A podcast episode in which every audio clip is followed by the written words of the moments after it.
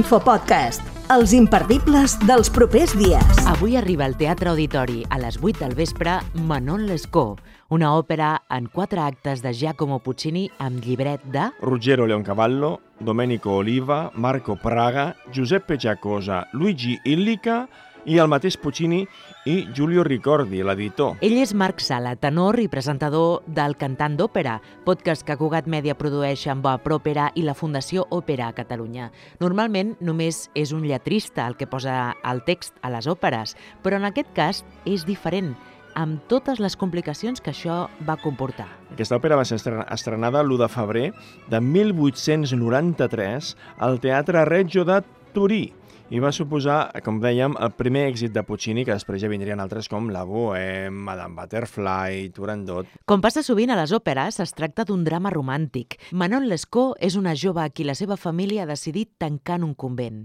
però abans d'arribar-hi coneix de Grieux. Ell no havia planejat enamorar-se, però quan veu a Manon es queda tan impressionat que diu mai havia vist una dona com aquesta i no pot deixar murmurar la resposta d'ella quan li pregunta el seu nom, que diu Manon Lescaut mi chiamo. Em dic Manon Lescaut, amb aquesta melodia que, que, és, eh, que és un leitmotiv, no?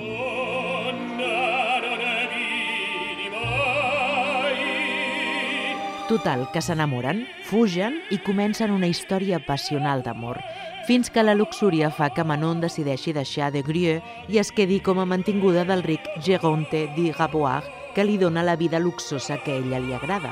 Però és una relació que no la satisfà, com explica a una àrea del segon acte. És a dir, darrere d'aquestes mòrbides cortines a la daurada alcova hi ha un silenci gelat, mortal, un silenci, un fred que em glaça. I jo, que m'havia acostumat a una carícia voluptuosa, d'ardents llavis i apassionats braços, ara tinc tot el contrari.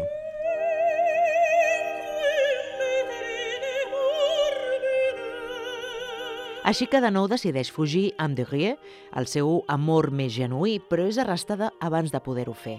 Manon és condemnada a ser deportada a Louisiana, on acaba morint en ple desert al costat del seu amor amb un dels finals més plens de dramatisme de tot el repertori de Puccini. Per finalitzar l'Infopodcast, recordem el duet d'Esvetla Castreva, que és la soprano, i el tenor Enrique Ferrer en el moment de retrobament de la parella. La música va a càrrec de l'Orquestra Simfònica del Vallès dirigida per Daniel Gil de Tejada.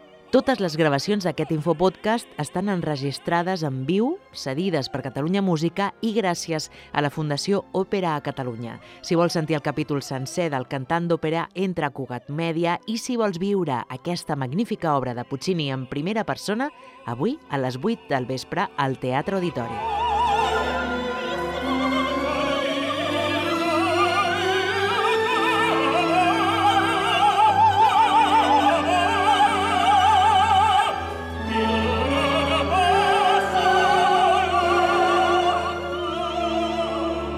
L'Infopodcast és una coproducció de Ràdio Sant Cugat i la xarxa.